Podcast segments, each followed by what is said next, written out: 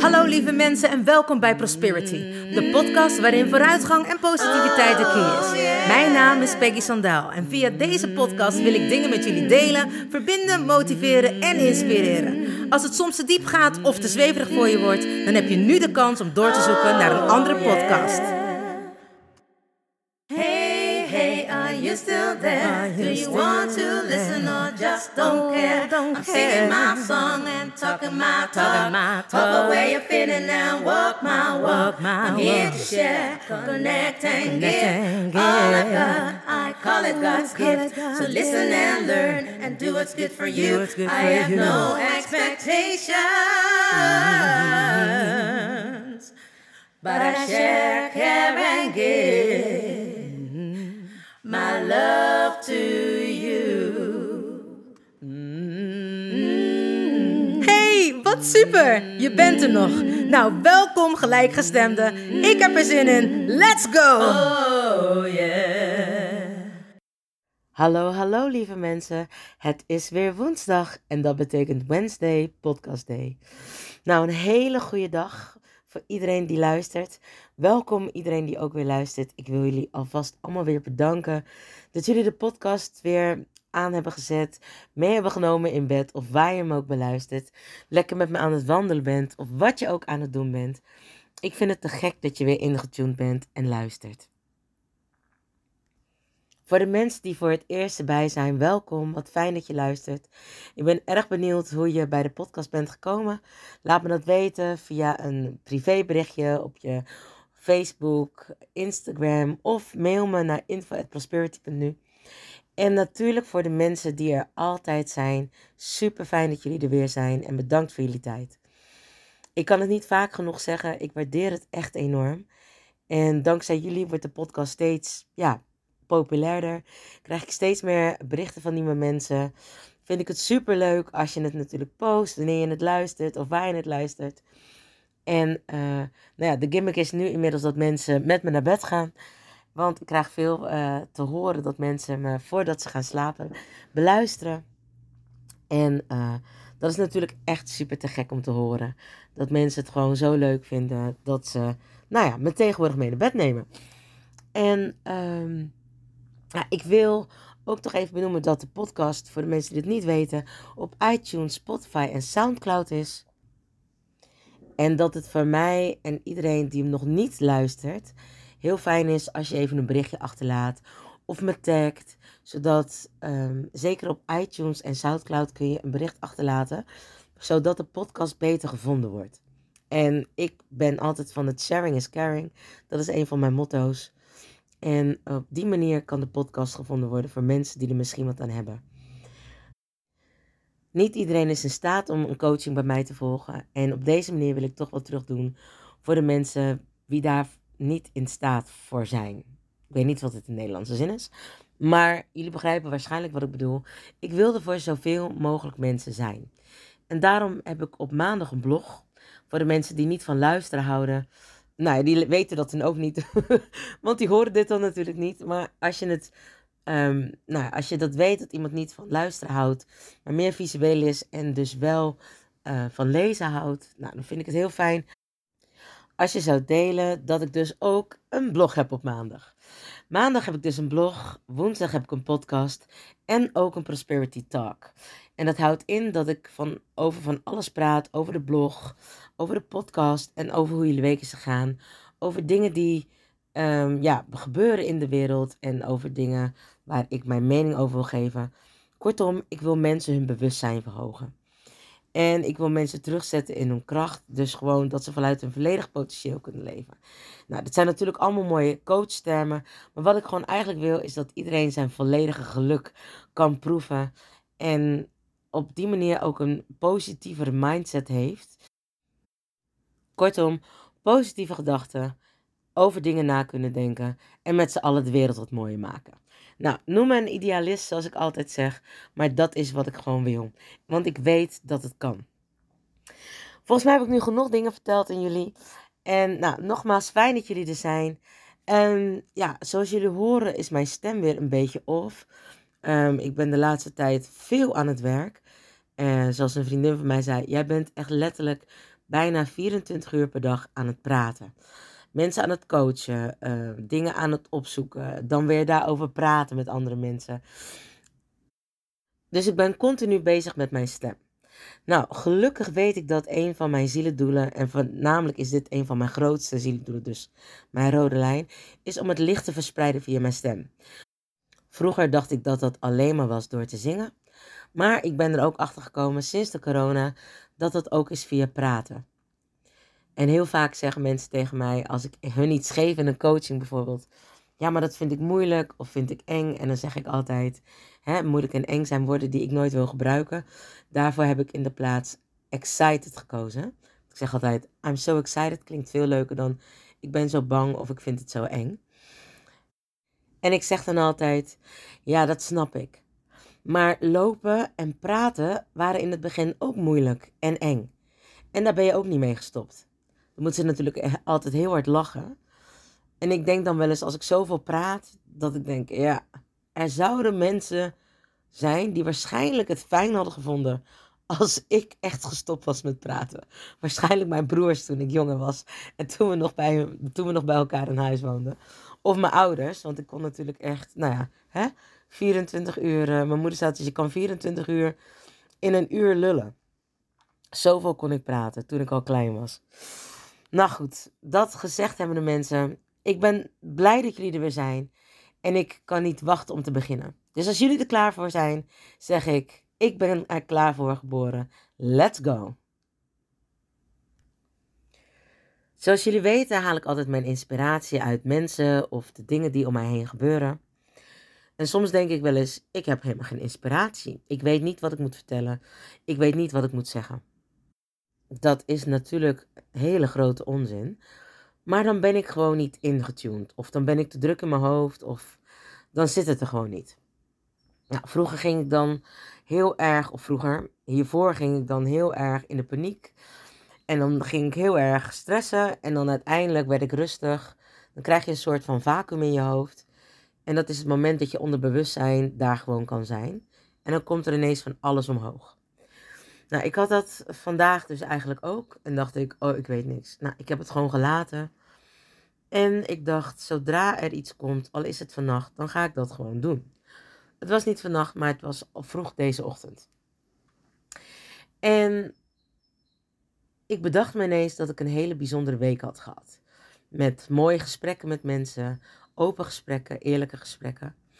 Maar ook met de kinderen op school. Voor de mensen die het niet weten, ik ben easily bored, dus ik ben echt makkelijk verveeld. En dat is niet omdat ik makkelijk verveeld ben, maar zoals ik wel vaker uitleg heb gegeven over de incarnatiesferen. Mijn incarnatiesfeer is een elemental.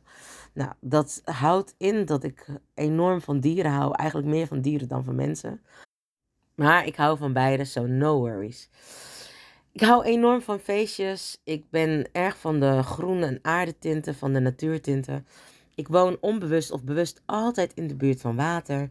Zijn er feestjes, doe ik graag het licht uit. Het verschil met de elemental en een um, zeemermens is dat de zeemermensen geen verantwoordelijkheid nemen voor de daden en de dingen die in hun leven gebeuren. De elementals wel. Wel is het zo dat de elementals het soms niet kunnen zien. Dus werkelijk niet kunnen zien wat hun fout hierin is. En daar hebben ze dan vaak de sterrenmensen voor. Ehm, en die zijn heel, niet rechtlijnig, maar die zijn heel erg rechtvaardig en uh, leven heel erg bij regels. Uh, elementals zijn ook wel rechtvaardig en kunnen heel slecht tegen, de, tegen onrecht. Maar ze zijn niet van de regels. Als iemand zegt, deze lijn mag je niet overheen, ben ik er al overheen gestapt. Nou, dat gezegd hebbende, over easily bored, dus makkelijk verveeld zijn, doe ik dus heel veel verschillende dingen. ik ben allround artiest, ik ben inmiddels ook coach. Um, ik geef les op scholen, ik spreek stemmetjes in. En nou ja, af en toe geef ik ook nog dans, zang en acteerlessen. Dus ik ben lekker druk en dat vind ik te gek. Oh ja, en niet te vergeten, ik schrijf ook. Ik schrijf ook nummers, teksten, singer-songwriter. In ieder geval, dat betekent dat ik een hoop dingen tegelijk doe. Of een hoop niet tegelijk, maar veel verschillende dingen achter elkaar doe. Maandags is dus mijn lesdag voor de kinderen uh, bij de Imelda school. En dat is een school waar ik al bijna, denk ik nou, tien jaar les geef. Ik weet het niet eens, ik moet het eens nakijken. En nou ja, ik geef dan natuurlijk al kindjes les vanaf de kleuterschool tot aan uh, groep 8. Doe ik de groep 1, 2 en dan weer 5, 6, 7 en 8. Dus groep 3 en 4 heb ik niet. Dus ik heb de kinderen vanaf dat ze op school komen en dan twee jaar niet. En daarna zie ik ze weer van kleine kinderen. Dus ik zie ze van kleine kinderen die van alles durven. Geen grenzen hebben. Uh, niet bang zijn. Ja, soms hebben, zijn ze verlegen. Dan vinden ze het even eng. Maar als ik met ze meedoe, dan gaan ze ervoor. Naar kinderen die dan ineens last krijgen van schaamte en niet meer durven. Dan ineens zijn ze weer heel stoer, kunnen ze alles. En dan worden ze ineens weer heel erg bewust van hun lichaam. En daarna worden het enorme pubers. Ik vind het te gek. Ik vind het super tof om het allemaal te mogen meemaken. En deze week was ik bij groep 7. En ze waren, hè, de dynamiek van de groep verandert altijd. Soms uh, hetzelfde als bij volwassen mensen eigenlijk. Maar dan zeg ik altijd, is het op een uh, microniveau. Bij kleine kinderen, bij jongere kinderen. Wij hebben precies dezelfde dynamiek. Wij veranderen ook van mensen, van groepen en uh, van vriendschappen. En deze ook. Dus dat zie je dan in de groep gebeuren. En omdat dat natuurlijk hun kleine leefwereld is, hè, daar gaan ze mee naar school, daar spelen ze mee buiten. Of daar zijn ze dan misschien wel, soms, sommigen zijn familie van elkaar. En ze waren deze week echt enorm geïrriteerd. Een tijd geleden had ik een mooi verhaal gehoord van iemand. Wel waar gebeurd, maar om iedereen zijn privacy te respecteren noem ik natuurlijk geen namen. Maar goed, de kinderen waren in de klas zo enorm geïrriteerd op elkaar. Ze konden niks van elkaar hebben. En nou, wij hebben de regel, let op jezelf. Hè, dan je wijst naar iemand anders met één vinger en met drie vingers wijs je naar jezelf. Nou, als docent leer je kinderen natuurlijk jouw discipline aan. En je leert ook de kinderen gewoon vaardigheden, regels, normen en waarden. En ik leer ze heel vaak ook gewoon aan de hand van een verhaal hoe met elkaar om te gaan. Want ik vertel ze altijd, er is al zoveel ellende in de wereld. Laten we dan onze kleine wereld mooi houden en met elkaar blijven praten en communiceren. Nou, en dat is natuurlijk ook iets wat heel moeilijk is. Taal. Als we nou eens beseffen dat 55% afhankelijk is van je lichaamstaal. 38% daarvan weer de tonaliteit, dus de manier waarop je praat en 7% de woorden. Dat is natuurlijk best bizar om te bedenken. Dat 55% eigenlijk body language is. 38% de manier waarop je het zegt, dus de toon, de intonatie. En 7% maar eigenlijk echt de woorden. Ja, ik vond dat echt bijzonder en noemenswaardig. Natuurlijk wist ik dat wel, want toen ik klein was, keek ik alleen maar naar hoe mensen zich gedroegen. Dan begrijp je nog niet alles wat ze zeggen. Maar voelde ik of dat dingen wel of niet goed waren. Dat kwam omdat mijn situatie toen ik jong was gewoon niet zo fijn was. Gelukkig wel bij mijn wensouders. Maar daarbuiten was alles voor mij onveilig. Wanneer dingen onveilig zijn voor jou, moet je dus in een overlevingsstand. En ben je continu alert waar het gevaar is. Door de taal van de mensen hun lichaam begreep ik wanneer dat onveilig was of niet. Gelukkig kwamen deze skills later allemaal van pas. Maar goed, terug naar de kinderen. Ze waren super geïrriteerd en waren de hele tijd tegen elkaar aan het praten. En zeggen, ja, uh, hij bemoeit zich met mij. Ja, mijn juffrouw, zij zegt dat ze zich met mij moet, dat ik met hun bemoei. En nou, ik kwam er niet eens meer uit. Ze kwamen zelf niet meer uit hun woorden. Maar het ging erover dat ze continu met elkaar bemoeiden. Terwijl wij dan zeggen, bemoei je met jezelf. Je mag elkaar alleen maar corrigeren als de juffrouw iets zegt en iemand is aan het praten. Dan kun je even non-verbaal even iemand aantikken en je vinger op je mond leggen. Zo van, wees stil. Nou ja, ze bleven maar doorgaan en ik was het zat. Dus ik zette ze aan de kant en ik zei, ik ga jullie een verhaal vertellen. En je kent het wel, wanneer je dan stil moet zijn, zijn er altijd van die kinderen, zo was ik ook, die hun gelijk willen hebben. Die het niet kunnen hebben als ze voor hun gevoel niet eerlijk behandeld zijn. Dan zijn ze altijd nog even aan het namopperen. En ik zei tegen die leerling: hou nou gewoon even je mond dicht. ik wil je wat vertellen, zodat je kan luisteren en dat je kan leren. Ja, maar. En het mooie is dat ik altijd heb geleerd, alles naar de maar is niet waar. Ondanks dat doe ik het zelf natuurlijk ook. Bedoel, ik ben een mens en het zijn van die dingen waarvan je, die gewoon erin geslopen zijn. Die je meekrijgt als jij wat wil zeggen of als je wil interpreteren, dan zeg je ja maar. Eigenlijk is dat voor ons vaker ook een dingetje om in te vallen, om iets te kunnen zeggen, dan dat het zo is. Een vriend van mij attendeerde me daarop en die zei ook: Ik vind het heel naar als je dit zegt. Iedere keer als ik iets zeg, zeg jij ja maar. Zei ik: Oké, sorry, ik zal erop letten. En het moment dat ik weer wat wilde zeggen, zei ik gelijk ja maar. Dus ik dacht: Hé, hey, herkenning. Dus ik zei ook van: Ik hoor je, ik begrijp je, maar mag de juffrouw even uitpraten? Ja, juffrouw. Dus ik ging het verhaal vertellen. En ik noemde het: Verliezers willen geluk, winnaars willen gelijk. Iemand vertelde me dat hij ergens moest werken en een uitleg gaf over baby's. Er was een baby geboren in een gezin waar al een keer een kindje was overleden. En rond dezelfde tijd was het nieuwe babytje geboren. Nou, jullie begrijpen natuurlijk dat dat een precaire situatie is waarin veel voorzichtigheid en veiligheid voor de newborn ouders en de baby geborgen moet zijn en de kraamverzorgster dus alles is. De had uitgelegd dat de kruiken in de wieg lagen en dat wanneer de baby erin gelegd zou worden, dat de kruiken eruit gehaald moesten worden. De dienst van de, um, van de kraamverzorgster zat erop. En net voordat zij weg wil gaan, komt uh, de vader naar beneden vrij overstuur, want de baby heeft een brandplek op zijn been. En hoe dat kon. En wat ze nu moesten doen. Nou, gelijk naar de dokter toe. De dokter zei dat de baby langs mag komen. Gelijk door naar het ziekenhuis. De baby, zijn huidje is natuurlijk nog hartstikke zacht en teer. Maar het viel gelukkig allemaal mee bij het ziekenhuis. Nou, de kraamverzorgster was naar huis gegaan, vrij overstuur.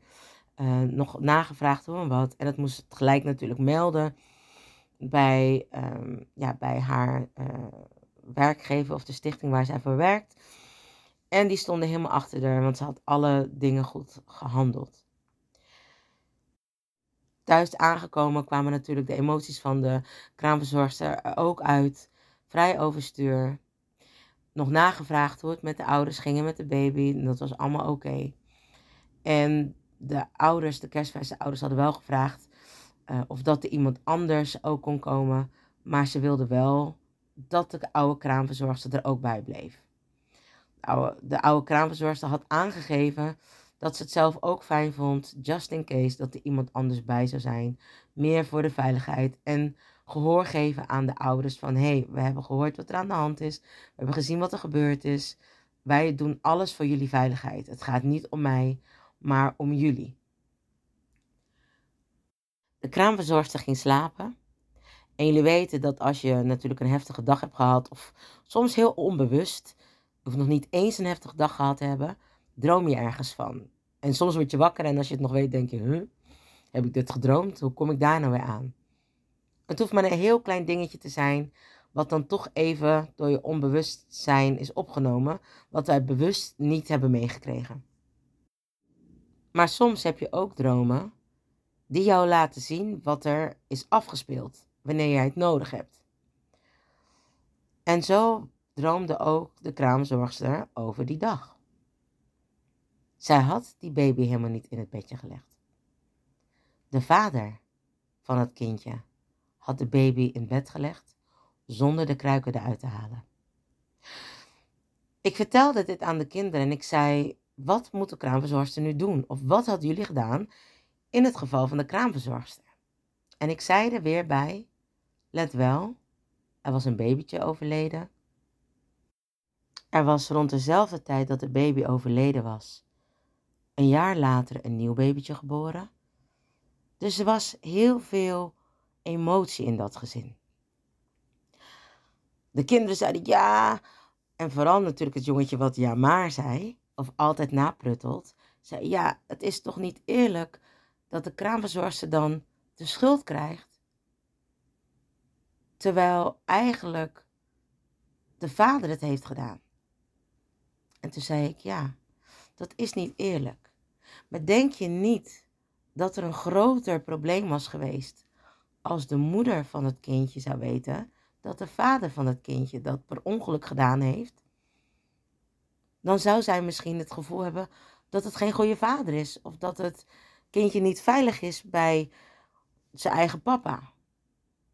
En nu heeft iemand anders buiten het gezin de schuld op zich genomen, zodat de harmonie in het gezin veilig, goed en vredevol blijft. Ja, ja, ja. De kinderen vonden dat een heel mooi verhaal. En ze vonden het ook heel nobel van de kraamverzorgster. Ze hadden er niet zo over nagedacht, want ze vinden ook dat eerlijkheid geschiet. En toen zei ik, maar weet je, soms is het erger voor iemand om met een leugen te leven dan voor iemand anders om met de waarheid te leven. En toen zei ik het zinnetje, winnaars willen geluk, verliezers willen gelijk. En toen zei ik, wie van jullie vindt wie nou een verliezer en wie nou een winnaar? Gelukkig vonden ze de kraamverzorgster allemaal de winnaar en de vader de verliezer. Ik zei: Kunnen jullie je voorstellen dat de leugen eigenlijk al de straf is voor die man? Ja, juffrouw. En ik zei: Snappen jullie dan ook dat je soms iemand gewoon gelijk moet geven om de winnaar te zijn? Ja, juffrouw. Dus het was duidelijk wat ik wilde zeggen. Soms gaat het om een stukje empathie. Communiceren is super moeilijk. Communiceren blijft iets wat we nog steeds allemaal niet helemaal onder de knie hebben. Heel vaak denken we natuurlijk ook dat het aan ons ligt. Hè? Als iemand iets zegt, dan voelen we ons gelijk aangevallen of vaak schieten we gelijk in de verdediging. We vatten alles persoonlijk op. Als we in de auto zitten en iemand wil er langs, dan denken we, joh, doe even normaal, je kan toch ook rustiger rijden. Maar misschien rijden wij wel te langzaam. Hoe komt het dat wij ons altijd aangevallen voelen? Is dat omdat er een stukje van onszelf nog heel onzeker is? En dat wanneer iemand iets zegt wat ons raakt, dus blijkbaar, het eigenlijk iets is waar we gewoon met liefde naar mogen kijken. En dat we dat mogen oplossen. Het gaat niet altijd om, om jou. Het gaat niet altijd om mij. Het gaat soms om wij. Als we de intentie van de ander kunnen zien, als we een beetje empathisch kunnen zijn naar de ander, dan is het zoveel makkelijker om de dingen niet meer persoonlijk op te nemen. Als we zouden weten waarom iemand met zoveel honderden kilometers langs ons rijdt. Misschien heeft die persoon wel haast. Misschien is er iemand overleden. Of misschien is er wel een noodgeval waar hij naartoe moet. We weten het niet. Een oude collega van mij vertelde me, toen we nog samen in de Lion King zaten, dat zijn vrouw bevallen was. Maar dat de bevalling goed was gegaan, maar de reis er naartoe een hel was. Ik zei, oh, dus ze heeft het zwaar gehad. Hij zei, nee, de reis er naartoe was een hel. Maar hij was van origine een Amerikaan, dus ik dacht, oh, misschien heeft hij een uitdrukking in het Nederlands die hij gewoon niet zo goed kan vertellen. Of die ik dus niet begrijp. En ik zei, ik denk dat ik je niet goed begrijp. En toen zei hij, jawel, je begrijpt me heel goed. Mijn vrouw moest acuut naar het ziekenhuis toe. Dus ze werd door de ambulance opgehaald. En je ziet vaak wanneer er een ambulance of een politieauto met volle vaart voorbij komt en ze stoplichten aan, dat wanneer er dan een file is, mensen even het gemak nemen om er achteraan te gaan. Dus om te gaan plakken achter die politieauto of achter de ambulance, zodat ze de rij voorbij kunnen gaan en op meteen met de ambulance mee de hele stoet voorbij kunnen rijden.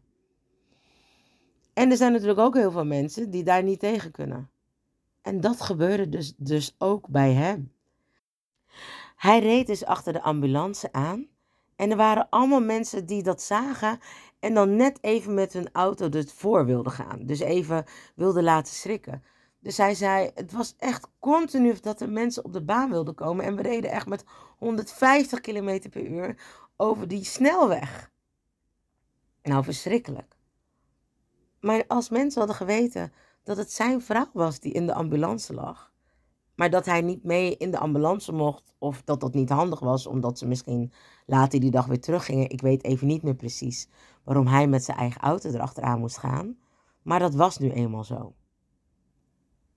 Maar we weten niet waarom hij dus achter die ambulance aanreed. En iedereen dacht, oh, dat zal er wel weer zo één zijn. Als we nou met z'n allen eens wat meer empathie voor een ander proberen te hebben, dan hebben we het ook gelijk voor onszelf. Dan gaan we uit van de beste intentie van de ander. En ja, je hebt overal wel eens een klootzak of een trut tussen zitten. Maar moeten we er dan maar continu van uitgaan dat als iemand iets doet, dat dat niet vanuit een goede reden is? Laten we weer wat toleranter zijn naar elkaar. Durf ook weer het beste van iemand anders in te zien. Sterker nog, als je dat doet, dan zie je ook het beste van jezelf in. En hetzelfde met empathie hebben. Ik keek vanochtend naar een stuk waar iemand vijf mooie regels had. Het waren echte gekke regels. En natuurlijk, als ik iets leer of zie wat ik bijzonder of mooi vind, wil ik dat delen met jullie. Deze man zei: Er zijn twee verschillende mensen. Er zijn mensen die altijd, koste wat het kost, hun doel zullen volgen. Of er zijn mensen die altijd zien wat hun tegenhoudt om dat doel te bereiken. Wat hij daarmee wilde zeggen was: je kan krijgen wat je wilt en je hoeft het niet te doen zoals iedereen dat doet. En je mag de regels ook overtreden. Maar ga niet in de weg staan van wat iemand anders misschien ook wel wilt. Zijn tweede regel was: soms ben jij gewoon het probleem. Je mag voor alles wat je doet de verantwoordelijkheid nemen. Dus als jij de verantwoordelijkheid neemt voor alle goede dingen in het leven, moet er ook een balans zijn. Dus je moet dan ook de verantwoordelijkheid nemen voor de dingen die niet goed gaan in jouw leven. Met andere woorden, jij bent dus zelf het probleem wanneer er iets fout gaat. Wijs niet gelijk naar anderen. Maar kijk wat jouw aandeel erin is. Zoals ik tegen de kinderen zei, je wijst met één vinger naar een ander en met drie vingers naar jezelf. Zijn derde regel was: als je echt een absolute eh, warrior, leider wil zijn, dan moet je om anderen kunnen geven. De wereld is te groot om dingen alleen te doen. En hij legde dit uit aan de hand van de Navy SEALs. Want de vraag was: wie worden er nou echt Navy SEALs? En daar was geen juist antwoord op. En de man zei: Ik weet wel wie het niet worden. De mannen die met supergrote spieren helemaal onder de tato's zitten om zichzelf te bewijzen aan de wereld wie ze nou echt zijn, die gaan het niet worden. De mensen die zogenaamd leiders zijn en alles delegeren aan anderen en nooit iets zelf doen, die worden het ook niet. De sterspelers van de school, die nog nooit een dag echt getest zijn op wie ze nu echt zijn, die worden het ook niet. Het waren sommige mensen die heel erg dun waren en dat je dacht, nou, die kunnen echt nog niet eens iemand op hun rug dragen. Het waren de grote mannen die hun angst lieten zien en beefden als er iets moest gebeuren waar ze echt vrees voor hadden. Het waren deze mensen die wanneer ze fysiek en mentaal uitgeput waren, toch ergens de kracht diep van binnen uithaalden om de mensen die net zo kapot en uitgeput waren naast hun te helpen. Wat hij dus hiermee wilde zeggen was: als jij echt een elite warrior wil zijn, dan gaat het niet om hoe snel je bent, hoe goed je bent of hoe stoer je bent, maar dan gaat het erom hoe goed je bent om andere mensen te helpen. Want dat is hoe je verder komt in deze wereld. De wereld is te groot en te gevaarlijk om echt alles alleen aan te pakken. Je hebt daar mensen voor nodig. En wanneer jij om hulp vraagt, wanneer je het echt durft te vragen en ook te accepteren wanneer je durft, klein durft te zijn en durft te zeggen: hé, hey, ik kan het niet alleen of ik vind het eng of zou je me alsjeblieft willen helpen? Dan ga je zien hoeveel mensen er naar jou te komen. Dan ga je zien hoeveel mensen vragen: hoe gaat het echt met jou? Wat heb je nodig? Wat kan ik voor je doen? Ik was er al die tijd al, alleen ik dacht dat je het altijd zelf kon, omdat je nooit om hulp hebt gevraagd. Dus wanneer kun jij die hulp accepteren en durf je het ook te vragen? En durf je het te ontvangen wanneer het gegeven wordt? Dat kun je alleen maar als je eerst heel veel gegeven hebt. Want dan weet je bijna 100% zeker, wanneer jij iets vraagt, er altijd mensen voor jou klaar zullen staan. De kracht zit hem in het geven. Wanneer jij geeft, zul je ook zeker mogen ontvangen. En als je deze skill hebt, dit is goud waard. Wanneer je durft te vragen en wanneer je kan ontvangen. En wanneer je dan ziet dat er zoveel mensen je met alle liefde willen helpen, heb je echt iets geleerd. Dan heb je echt iets geleerd. Want dan heb je het gedaan zonder iets te willen ontvangen, maar puur uit willen geven. En echt voor anderen willen zorgen. Echt om iemand anders geven. Dan ga je zien hoeveel mensen er van jou houden. Omdat je het belangeloos doet. Zijn vierde regel ging over Nelson Mandela. Over de wijsheid van Nelson Mandela. Nelson Mandela is een internationale leider. Overal waar je gaat heb je mensen die leiders zijn, maar dat zijn per gebied is dat weer iemand anders. Ziet iemand anders die niet als een leider of wel. Bijvoorbeeld Trump ziet niet iedereen als een leider, sommige mensen wel.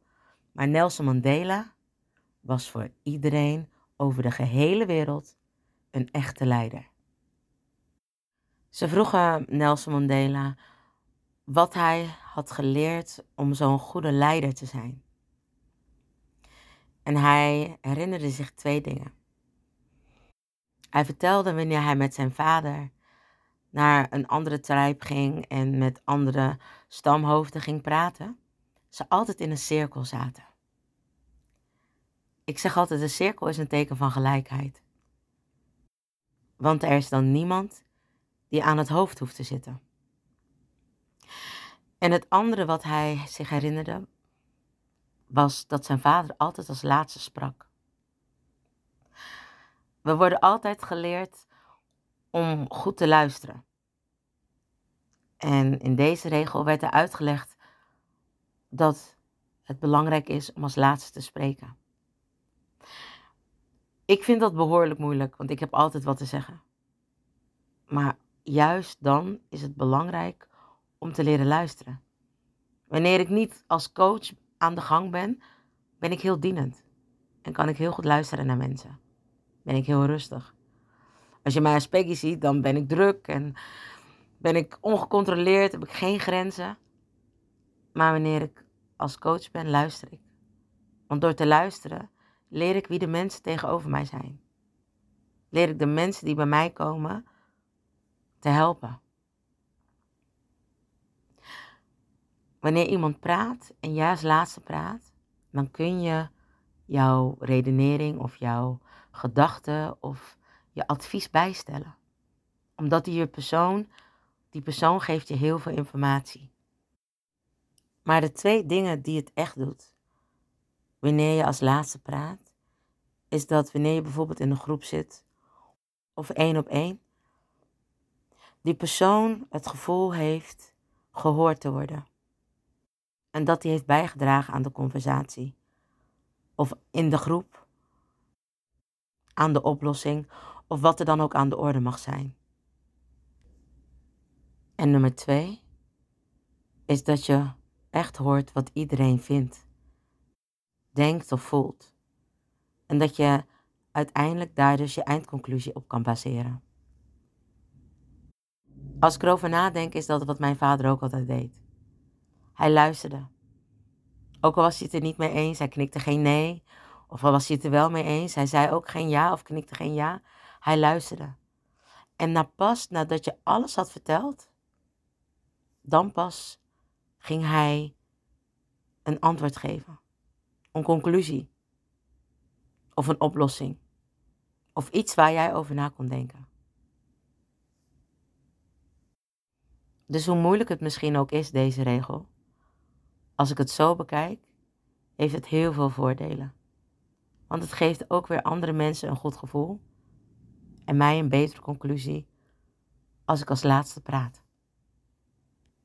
En het laatste wat hij zei, regel 5, ging over een verhaal over een man die een hoge functie bekleedde en die ergens aan het spreken was. En deze man nam een slok van zijn koffie en moest lachen, want hij keek naar beneden en het was in zo'n kartonnen bekertje. En die man vertelde het verhaal dat hij verleden jaar hier ook stond. En dat hij was overgevlogen met business class. En dat um, toen hij aankwam uit het vliegtuig, mensen zijn koffers al hadden gepakt. Een auto voor hem klaar stond. En iemand hem naar die auto toe liep. Zijn koffers uit werden geladen. Bij het hotel aankwam. Ingecheckt werd, was al. En gelijk door werd gebracht naar zijn kamer. De volgende ochtend werd hij opgehaald. En in de lobby stond iemand klaar om hem naar zijn auto te brengen. Hij stapte in en werd helemaal backstage gebracht. En hij kreeg uit een heel mooi porseleinen kopje kreeg hij koffie. En dit jaar kwam die man, dezelfde man, weer spreken. En zat hij in de economy class. Was er niemand die zijn koffers had gepakt, moest hij zelf zijn koffers pakken. Moest hij een taxi nemen. Moest hij zichzelf inchecken. Zichzelf ook naar zijn kamer brengen met al zijn koffers. En de volgende dag hetzelfde liedje. Moest hij zelf een taxi bestellen en zelf naar het congrescentrum rijden. Zelf zijn weg zoeken naar de backstage route. En toen hij vroeg om koffie, werd er verwezen naar een koffieapparaat. En hij zei iets heel moois. Toen hij aan het spreken was en dat koffiekopje beet hield, wat nu niet meer een porseleinkopje was, maar een papieren bekertje, zei hij: Wanneer je bekend wordt of een hogere functie bekleedt, of iemand gaat zijn in de wereld, gaan de deuren voor je open. Sterker nog, worden de deuren voor je open gehouden en zullen mensen alles voor je doen. Maar wanneer je niet meer diezelfde functie bekleedt, gaan de deuren dicht. Worden ze niet meer voor je open gehouden. En gaan de mensen niet meer zo hard voor je lopen. Al die dingen waren ook niet voor jou bedoeld. Maar voor de positie die je op dat moment had. Het mooie wat hij zei was: we verdienen allemaal een papieren bekertje. Het heeft te maken met de dankbaarheid en de nederigheid die we moeten bezitten. De dankbaarheid dat wanneer we een hogere positie bekleden, dat we alles wat daarbij komt kijken niet vanzelfsprekend is. En dat dat niet per definitie van of voor ons is. Maar dat we dat verdienen op dat moment omdat we daar hard voor gewerkt hebben of dat we op die positie gekomen zijn, op welke manier dan ook. Maar dat we altijd nederig en dankbaar moeten blijven. Want uiteindelijk blijven we gewoon de mensen die we zijn. Uiteindelijk blijven we allemaal hetzelfde. Daarom wilde ik dit met jullie delen. Want ik vond dit vijf mega mooie regels.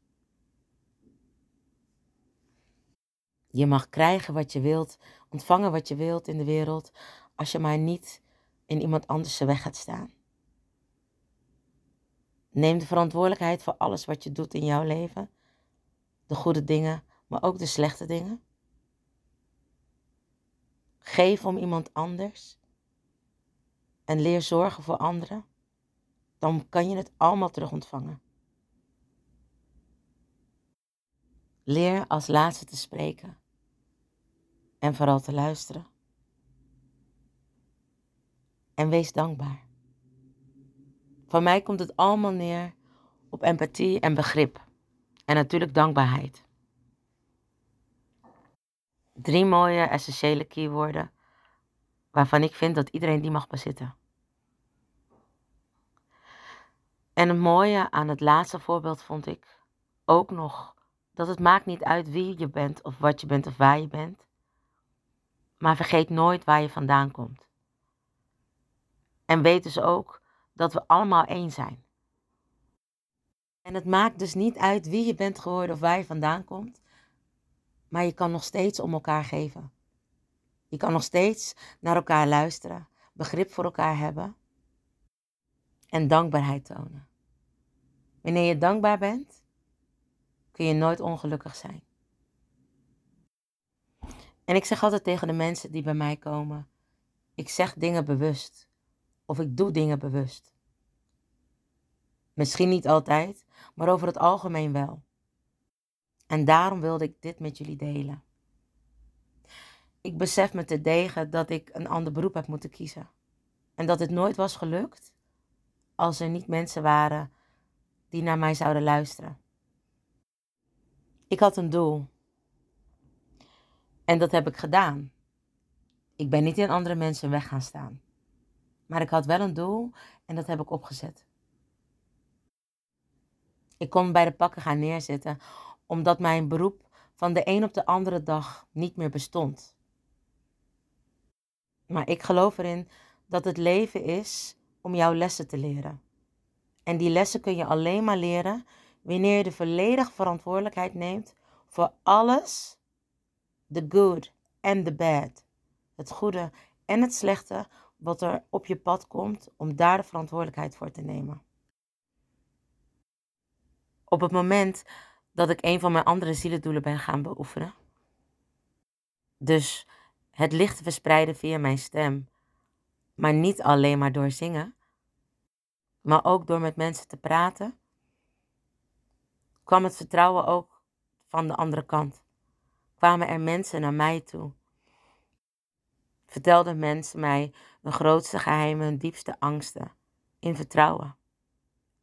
Het vertrouwen wat ik nooit zal beschadigen. En wat ik daar deed, was luisteren. Om zo tot de beste conclusie te komen voor de lieve mensen die bij mij in mijn praktijk komen. En regel nummer vijf. Dankbaar. Ik ga er niet van uit dat al het geluk wat ik mag ervaren, alle liefde die ik mag ervaren, al het respect wat ik mag ontvangen, dat dat vanzelfsprekend is. Het is misschien nu de positie die ik bekleed. Maar mijn dankbaarheid is groot. En daar wil ik jullie oprecht voor bedanken. Dat jullie er altijd zijn. Dat jullie altijd naar me luisteren. En dat jullie de veiligheid voelen om naar mij toe te komen. Ik voel me nederig en dankbaar. Dank jullie wel. Lieve mensen, bedankt voor het luisteren naar Prosperity, de podcast met vooruitgang en positiviteit als de key. Heb je iets aan deze podcastaflevering gehad of denk je, ik ken vast iemand die er iets aan heeft? Deel dan alsjeblieft de podcast, want ik geloof in sharing is caring. Ben je geïnspireerd en of gemotiveerd? Tag me dan met een screenshot via Instagram, deel het op je story of andere social media. Vergeet me niet te volgen, zodat je op de hoogte blijft van alle podcastafleveringen. En ik zou het te gek vinden als je de podcastaflevering opzoekt op Soundcloud of Spotify en laat een berichtje achter. Hoe meer berichtjes, hoe beter de podcast naar voren komt. En zo kunnen we met z'n allen een mooi ripple effect maken. Nogmaals dank en vergeet niet van jezelf te houden. Dan doe ik het sowieso. I salute you with love and remember, we are lucky. Baby, you're so lucky. Honey, you are free. You just need to love yourself. That's all I wanna see. You're here to learn. You're here to shine. You're so radiant. Don't waste no time. Don't let nobody tell you what to do. Cause you are perfectly fine, and that's the truth. Baby, you're so lucky. Honey, you are free. You just need to love yourself. That's all I wanna see. Baby, you're so lucky. Honey, you are free. You just need to love yourself. That's all I wanna see. Baby, you're so lucky.